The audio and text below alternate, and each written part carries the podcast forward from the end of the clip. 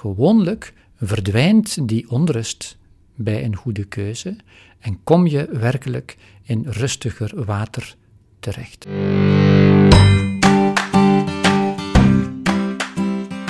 Je luistert naar een podcast van katholiekleven.nl. Mijn eh, belangrijkste bezigheid is internet, pastoraat. Daarnaast geef ik veel training in zaken Ignatiaanse spiritualiteit en eh, pedagogie. Deze keer in gesprek met Nicolaas Sintobin over belangrijke levenskeuzes. Hij is jezuïet, in het bijzonder internet-jezuïet, in Amsterdam. Uh, geef ik geestelijke begeleiding van allerhande uh, mensen en uh, schrijf ik ook graag. Ik heb een aantal boeken geschreven. Ik ben ook aan een volgend boek bezig en allerlei artikelen voor alle mogelijke tijdschriften en, en kranten. Het motto van de Wereldjongerendagen volgend jaar is Discover Your Identity. Maar hoe weet je eigenlijk wat je identiteit is? Hier komt een praktische leidraad. Hoe ga ik te werk als ik levensbepalende keuzes wil maken? Kiezen is een heel belangrijk gegeven in een mensenleven. En ik zou eerst willen zeggen dat kiezen mogelijk is. Kiezen is mogelijk omdat mensen vrij zijn. Bijvoorbeeld, ikzelf, ik ben jezuïet, al bijna 30 jaar. Ik heb een tweelingbroer. Ik heb een dubbelganger, die volledig hetzelfde DNA heeft als ik. Mijn tweelingbroer Anton is gehuwd, heeft uh, vier kinderen heeft een heel ander levenspad gekozen dan ik. Hij heeft een keuze gemaakt, ik heb een keuze gemaakt. Heel verschillend. Dus die vrijheid is heel belangrijk. Die vrijheid is beperkt op allerlei manieren, maar dat belet niet dat er wel degelijk een vrijheid is. Nu, de christen gaat ervan uit dat kiezen niet zomaar in het wilde weg, in het blinde gebeurt, maar dat kiezen uiteindelijk betekent dat je op zoek gaat naar datgene wat God voor jou in petto heeft. Liever, eh, of beter uitgedrukt nog, dat er een bepaald pad is dat niet zo heel precies is, maar een bepaalde manier in het leven, waardoor jij werkelijk helemaal je mensheid, datgene wat er in jou zit, kunt ontplooien. En dat betekent uiteindelijk een gelukkig, vreugdevol mens zijn. Wij mensen zijn gemaakt voor de vreugde. En dus die vreugde is een heel belangrijk criterium bij het maken van keuzes. Ik zou zeggen, voor het maken van de keuze is heel belangrijk de persoonlijke ervaring. Dat je gaat kijken in je persoonlijke ervaring, waar eerder die momenten van vreugde, die plaatsen van vreugde, die zones, relaties, activiteiten zijn die jouzelf eerder tot leven brengen, dan wel activiteiten, plaatsen, zones, mensen, weet ik veel, die jouzelf eerder kleiner maken, die leiden tot droefheid, die maken dat jij jezelf niet kan ontplooien. Met andere woorden, de persoonlijke ervaring is heel belangrijk en is misschien wel het basismateriaal om te komen tot een persoonlijke keuze. Men zegt wel soms: de taal die God spreekt vandaag is de taal van de ervaring van de mens. Wel, wat kan je leren uit je ervaring? Ervaring dus als grondstof om te komen tot een keuze. Maar dan stelt zich uiteraard de vraag: hoe moet ik die keuze maken? Daar zijn een aantal, zou je kunnen zeggen, technische aspecten aan verbonden. Een studiekeuze, een levenskeuze. Bijvoorbeeld, ga ik huwen of ga ik uh, kiezen voor een godgewijd leven? Dat is een keuze die ik zelf gemaakt heb een aantal jaar uh, geleden. Ook studiekeuze, beroepskeuze kan heel belangrijk zijn. Wel, een eerste belangrijk gegeven daarbij is het volgende, en het lijkt evident, maar in de praktijk wordt het vaak niet gevolgd. Je hebt meerdere alternatieven nodig bij het maken van een keuze. Je kiest niet tussen iets of niets. In de voorbereidende fase van een keuze is het belangrijk dat je meerdere gelijkwaardige alternatieven hebt. Als je werkelijk in gebed, in onderscheiding wil weten of die beroepskeuze, die studiekeuze voor jou de juiste is, als je werkelijk zekerheid wil krijgen, in de mate dat je zekerheid kan krijgen, of je nu geroepen bent om te huwen, dan wel om voor God gewijd leven te gaan, dan moet je meerdere opties gelijkwaardige opties naast elkaar kunnen leggen.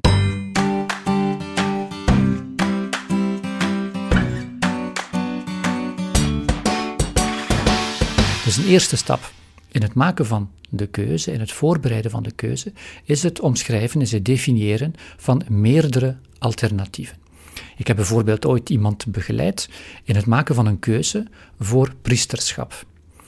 En dat onderscheidingsproces is eigenlijk spaak gelopen, omdat die jonge man niet in staat was, tot zijn eigen verbazing en zijn eigen wanhoop bijna, om rustig de idee te, naar boven te laten komen dat hij bijvoorbeeld ook tot het huwelijk zou kunnen geroepen zijn.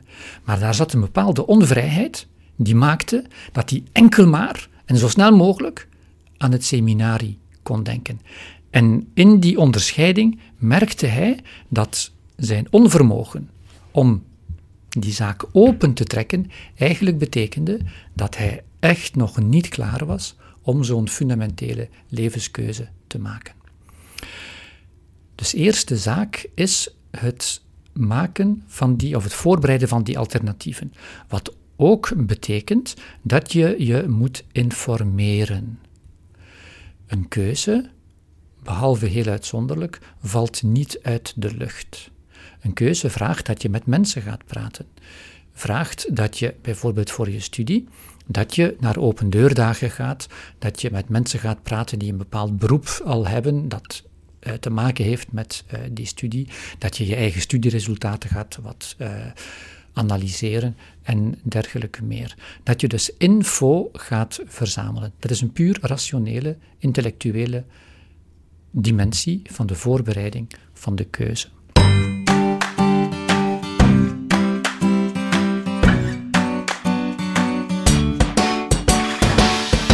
Je hebt nu een aantal alternatieven, bijvoorbeeld twee.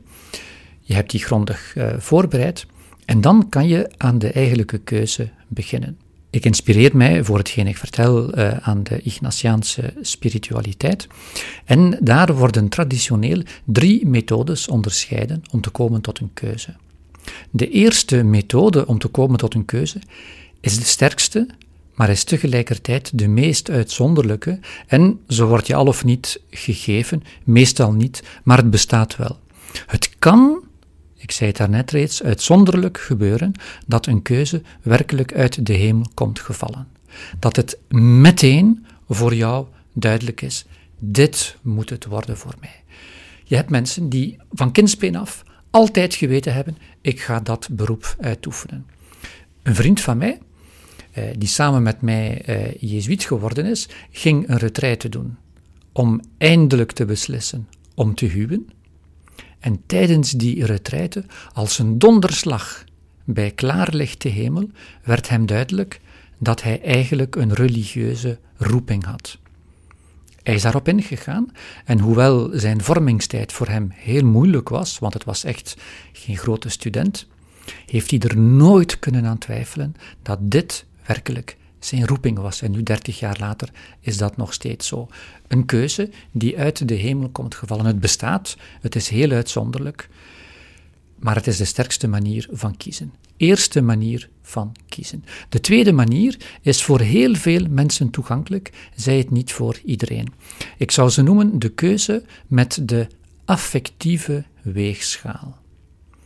Je hebt bijvoorbeeld uh, voor jezelf twee beroepskeuzes onderscheiden. Je ziet, ik zou eigenlijk kunnen het onderwijs ingaan met mijn diploma, maar de journalistiek trekt me eigenlijk ook aan. Oké, twee gelijkwaardige, degelijke alternatieven. En de twee zijn reëel, zijn mogelijk, maar ik weet het nog niet. Hoe kan ik het concreet aanpakken? Ik kan bijvoorbeeld een week leven met de idee, ik ga het onderwijs in. Helemaal beslist, alles is duidelijk, ik ga het onderwijs in. En ik ga elke dag mij verschillende keren gedurende die week de vraag stellen: hé, hey, hoe voel ik mij? Ben ik rustig? Ben ik onrustig? Voel ik me lekker in mijn vel? Of ben ik altijd gespannen? Dat doe ik gedurende een week met regelmatig wat aantekeningen nemen over hoe ik mij gedurende die week voel. En dan de tweede week ga ik het andere alternatief nemen. Ik ga niet, ik word geen docent, nee, ik word journalist. En dan ga ik een week lang met die idee leven. Ik heb ervoor gekozen om journalist te zijn. Hoe voel ik mij daarbij? Ga ik me verschillende keren per dag afvragen. Als ik bovendien gedurende die tijd, de eerste week en de tweede week, ook regelmatig wat tot stilte kan komen, wat kan bidden, mij kan openen voor de Heer en kan proberen om zo open mogelijk hierin te staan, ook vanuit gebed, en kan vragen om vertrouwen, des te beter. Dat zal de kracht en de diepte en de zuiverheid van de onderscheiding enkel maar versterken. Welnu, als je dat gedaan hebt voor het ene alternatief, voor het andere alternatief, kan je aan het einde daarvan een soort van balans maken. Hoe heb ik mij gevoeld in de eerste week? Hoe heb ik mij gevoeld in de tweede week? En heel vaak, niet altijd, kan daar echt een heel duidelijk verschil uit voortkomen. Als ik bijvoorbeeld destijds voor mezelf onderscheiden heb, zal ik eerder kiezen voor een huwelijksleven of eerder kiezen voor religieus leven als jezuïet, kwam heel duidelijk naar voren dat religieus leven mij meer vreugde, meer kracht, meer gedrevenheid, meer passie gaf dan het ander. Mijn hart zei, Nicolaas, je moet richting religieus leven gaan.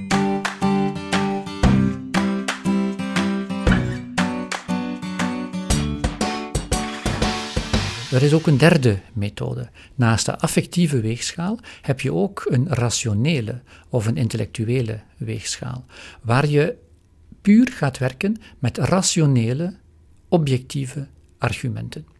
We gaan opnieuw naar die keuze onderwijs of journalistiek. Oké, ik neem nu, ik ga naar mijn eh, laptop en ik maak een document aan. Twee uh, delen.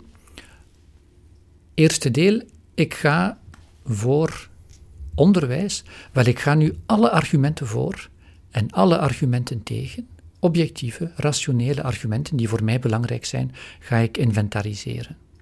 Voor de ene optie en voor de andere optie. En dan ga ik elk van die argumenten ga ik wegen.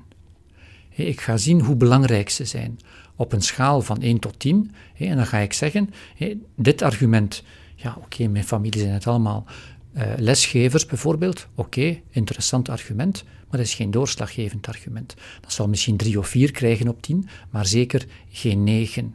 Terwijl als ik voor de journalistiek eigenlijk weet, ja, schrijven heb ik altijd graag gedaan. Mijn, mijn hart uh, slaat daarvoor, dat, daar ben ik goed in. Uh, ik droom er al zo lang van.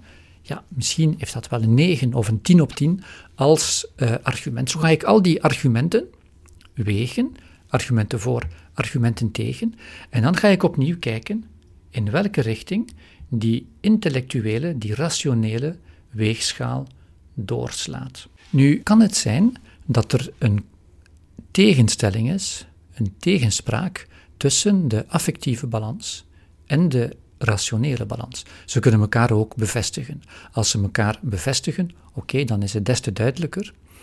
Als ik terugkijk naar mijn eigen voorbeeld, uh, bij mij om jezuïet te worden, de affectieve balans zei, ja, je moet het doen. En de rationele balans zei, nee Nicolaas, begin daar niet meer aan. Er zijn er maar zo weinig, het is te moeilijk en dit en dat. En dan ben ik ervan uitgegaan, ook in overleg met een geestelijk uh, begeleider, rationele balans heel belangrijk, maar de plek bij uitstek waar God spreekt, de sterkste plek, is het hart. Zijn die gevoelens van vreugde, of van droefheid, die zijn uiteindelijk belangrijker en doorslaggevender dan die rationele, intellectuele argumenten. Drie methodes om te komen tot een keuze. De keuze die zomaar uit de lucht komt vallen, heel uitzonderlijk, maar ze bestaat. Het luisteren naar de gevoelens bij de verschillende mogelijkheden, de affectieve weegschaal, en dan de rationele weegschaal, die voor iedereen toegankelijk is over die affectieve weegschaal. Ik denk tegelijkertijd, gevoelens zijn natuurlijk ook wel, kunnen heel erg misleidend zijn. je, het is moeilijk om eh, je gevoel natuurlijk te toetsen van in hoeverre is het iets op wat op korte termijn vreugde geeft of iets wat ook echt op lange termijn vreugde geeft. Inderdaad. Uh, dus onderscheiding van de geesten, want daar gaat het over, onderscheiding bij het maken van een keuze. Daarin nemen de gevoelens een belangrijke plaats in. De voorwaarde is wel, of een voorwaarde is, dat je je hart traint, opdat die gevoelens betrouwbaarder zouden worden.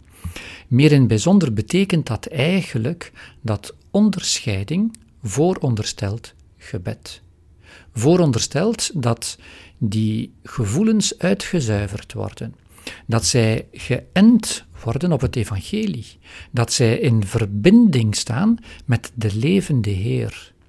En naarmate je meer een gebedscultuur kunt ontwikkelen, zullen die gevoelens ook winnen aan betrouwbaarheid en aan zuiverheid. En zal je meer in staat zijn om doorheen inderdaad die soms chaotische wirwar van je gevoelens, om daar helderder in te kijken.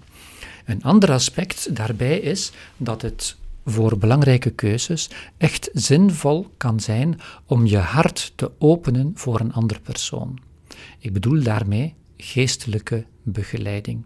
Niet opdat de geestelijke begeleider of de geestelijke begeleidster jou zou zeggen wat je moet doen, maar wel omdat die, door te luisteren en door af en toe een vraagje te stellen, je zou helpen om helderder te zien in jouw ervaring, om vanuit die ervaring en vanuit het beter luisteren naar je biddende hart te zien waar de Heer je eigenlijk toe uitnodigt.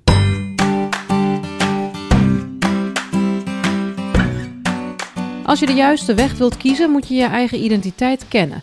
Maar hoe kom je erachter wat die identiteit is? Nu, identiteit is een heel complex gegeven. Identiteit is ook iets wat in beweging is. Identiteit is voor een stuk iets wat je maakt.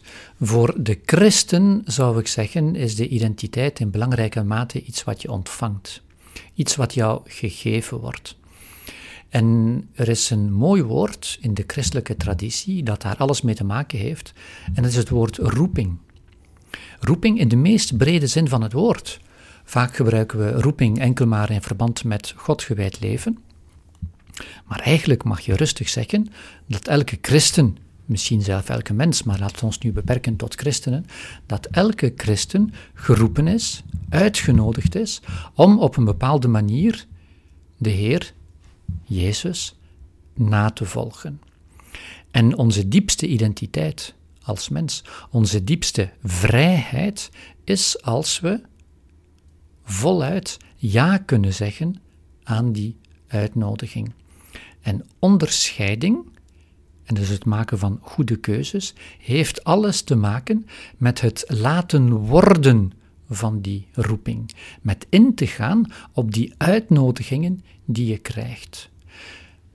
In de grote christelijke traditie is de vrije mens diegene die zo vrij geworden is van alles wat niet leidt tot het ware leven, dat wil zeggen het leven waartoe God hem of haar uitnodigt, dat die enkel nog maar voluit kan gaan voor die roeping. En die roeping is een roeping tot leven, een roeping tot vreugde. Dus de helderste of de meest betrouwbare aanwijzingen daartoe zijn net die vreugde, dat vertrouwen, die rust, die openheid en dergelijke meer, die bevestigd worden in de tijd. Hoe makkelijk of moeilijk is het om je roeping te missen? Kan je je roeping missen? Ik snap de vraag en eigenlijk vind ik het ergens geen goede vraag. In die zin, het is geen goede vraag, eh, het is, elke vraag is een goede vraag, maar die gaat voor een stuk uit van angst. Kan ik mij vergissen? Het is een redelijke vraag. Het is een goede vraag. Maar het is heel belangrijk, denk ik, dat we bij de onderscheiding proberen uit te gaan van vertrouwen, van een positief vooroordeel, ook ten aanzien van onze persoonlijke onderscheiding van het keuzeproces. Bovendien, en dat is duidelijk, bij elke keuze, denk ik, moet je durven risico's nemen. Als je maar een keuze kan maken, als je 100% alle factoren, zoals bij een chemische reactie, onder controle hebt, dan ga je nooit een keuze maken. Elke keuze betekent dat je een risico neemt. Elke keuze betekent ook dat je ergens aan sterft. Dat je ook goede dingen achterlaat. Maar elke keuze betekent ook dat je vooruit kan gaan.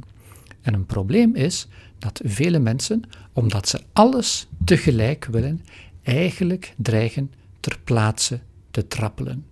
Wil je vooruit gaan, dan moet je keuzes maken en moet je ook goede dingen achter je kunnen laten. Goede of verkeerde keuzes. Hoe kan je herkennen dat je wellicht op het verkeerde pad zit? Het is zo dat een, bij die keuze de, een belangrijke etappe ook is de bevestiging. Je kan een keuze goed voorbereiden. Vervolgens kan je de eigenlijke keuze zo goed als mogelijk proberen maken, met die affectieve of die rationele weegschaal. Maar daarna is ook belangrijk de bevestiging. Namelijk de bevestiging dat je de juiste keuze gemaakt hebt. En die bevestiging betekent, kan uh, zich op verschillende niveaus situeren. Je hebt bijvoorbeeld een bepaalde studiekeuze, een bepaalde beroepskeuze of een bepaalde levenskeuze gemaakt. En de meeste mensen in jouw omgeving zeggen, maar, maar jongen, ben je nu helemaal op je hoofd gevallen? En ook mensen die jou goed kennen. Mensen waarvan je weet dat ze van je houden, dat ze ook die inhoud van die keuze in principe wel zouden kunnen respecteren, maar die zeggen: Ben je nu helemaal op je hoofd gevallen? Bevestiging van de buitenkant kan belangrijk zijn. Ook al kan het zijn dat je tot heel onverwachte keuzes komt, die je omgeving effectief kunnen verwonderen. Maar de belangrijkste bevestiging dient te komen uit je eigen hart. Het is niet vreemd dat je na een keuze, als je nu echt de knoop hebt doorgehakt, dat je even door moeilijke wateren, door onrustige wateren uh, vaart. Heb ik wel de juiste keuze gemaakt? Angst uh, en dergelijke meer. Maar gewoonlijk verdwijnt die onrust bij een goede keuze en kom je werkelijk in rustiger water terecht. Gebeurt dat niet, blijf je werkelijk onrustig of wordt die onrust groter, dan kan het zinvol zijn om je de vraag te stellen of je wel de juiste keuze gemaakt hebt. Want de juiste keuze betekent dat je ingaat op die roeping van jou, welke die roeping ook is. En een van de karakteristieken van die roeping is net dat ze jou rust en vreugde en vertrouwen geeft. Als die afwezig blijven, ook na verloop van tijd, kan dit een veegteken aan de wand zijn. Dit was een podcast van katholiekleven.nl. Bedankt voor het luisteren.